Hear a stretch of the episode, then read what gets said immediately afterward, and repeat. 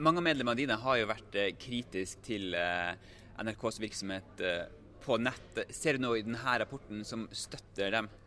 Først av alt må jeg si jeg har ikke fått lest rapporten, så den vil jeg gjerne se. Nei, Det er nettopp de analysene vi kommer til å gå ganske dypt inn i. Hvordan definerer man konkurranse? Selv om altså, mediehusene i Norge gjør det veldig bra på digital brukerbetaling, men samtidig så er det noe med å se fremover. Eh, hvordan vil det være fremover? Og hvordan skal arbeidsdelinga være i eh, mediemarkedet?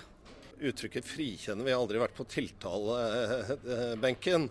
Eh, det som denne rapporten gjør, er jo å gi et helhetlig bilde av situasjonen både rundt NRK og i mediebransjen for øvrig. Vi har et stort mediemangfold.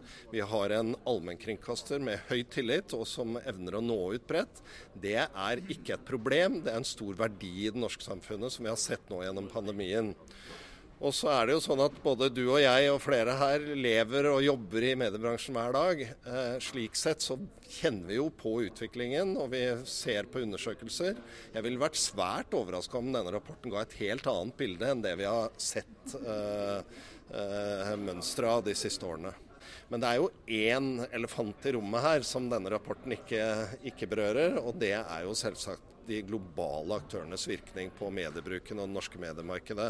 Det hadde jeg ikke forventa at de tok opp heller, for det er vanskelig å undersøke. Men, eh, men, eh, bare å undersøke de norske mediene, som er gjort nå, gir jo ikke et helhetlig bilde lenger.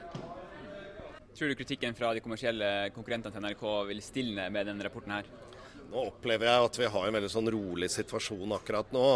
Eh, det er altså ikke noe faktagrunnlag som eh, tyder på at situasjonen ville Uh, gjort, altså ved å svekke NRK ville gjort situasjonen bedre i de kommersielle, hos de kommersielle mediene. Og så må vi huske på, og det gleder meg enormt vi huske på at jeg har jobba nesten hele livet mitt i den kommersielle delen av mediebransjen.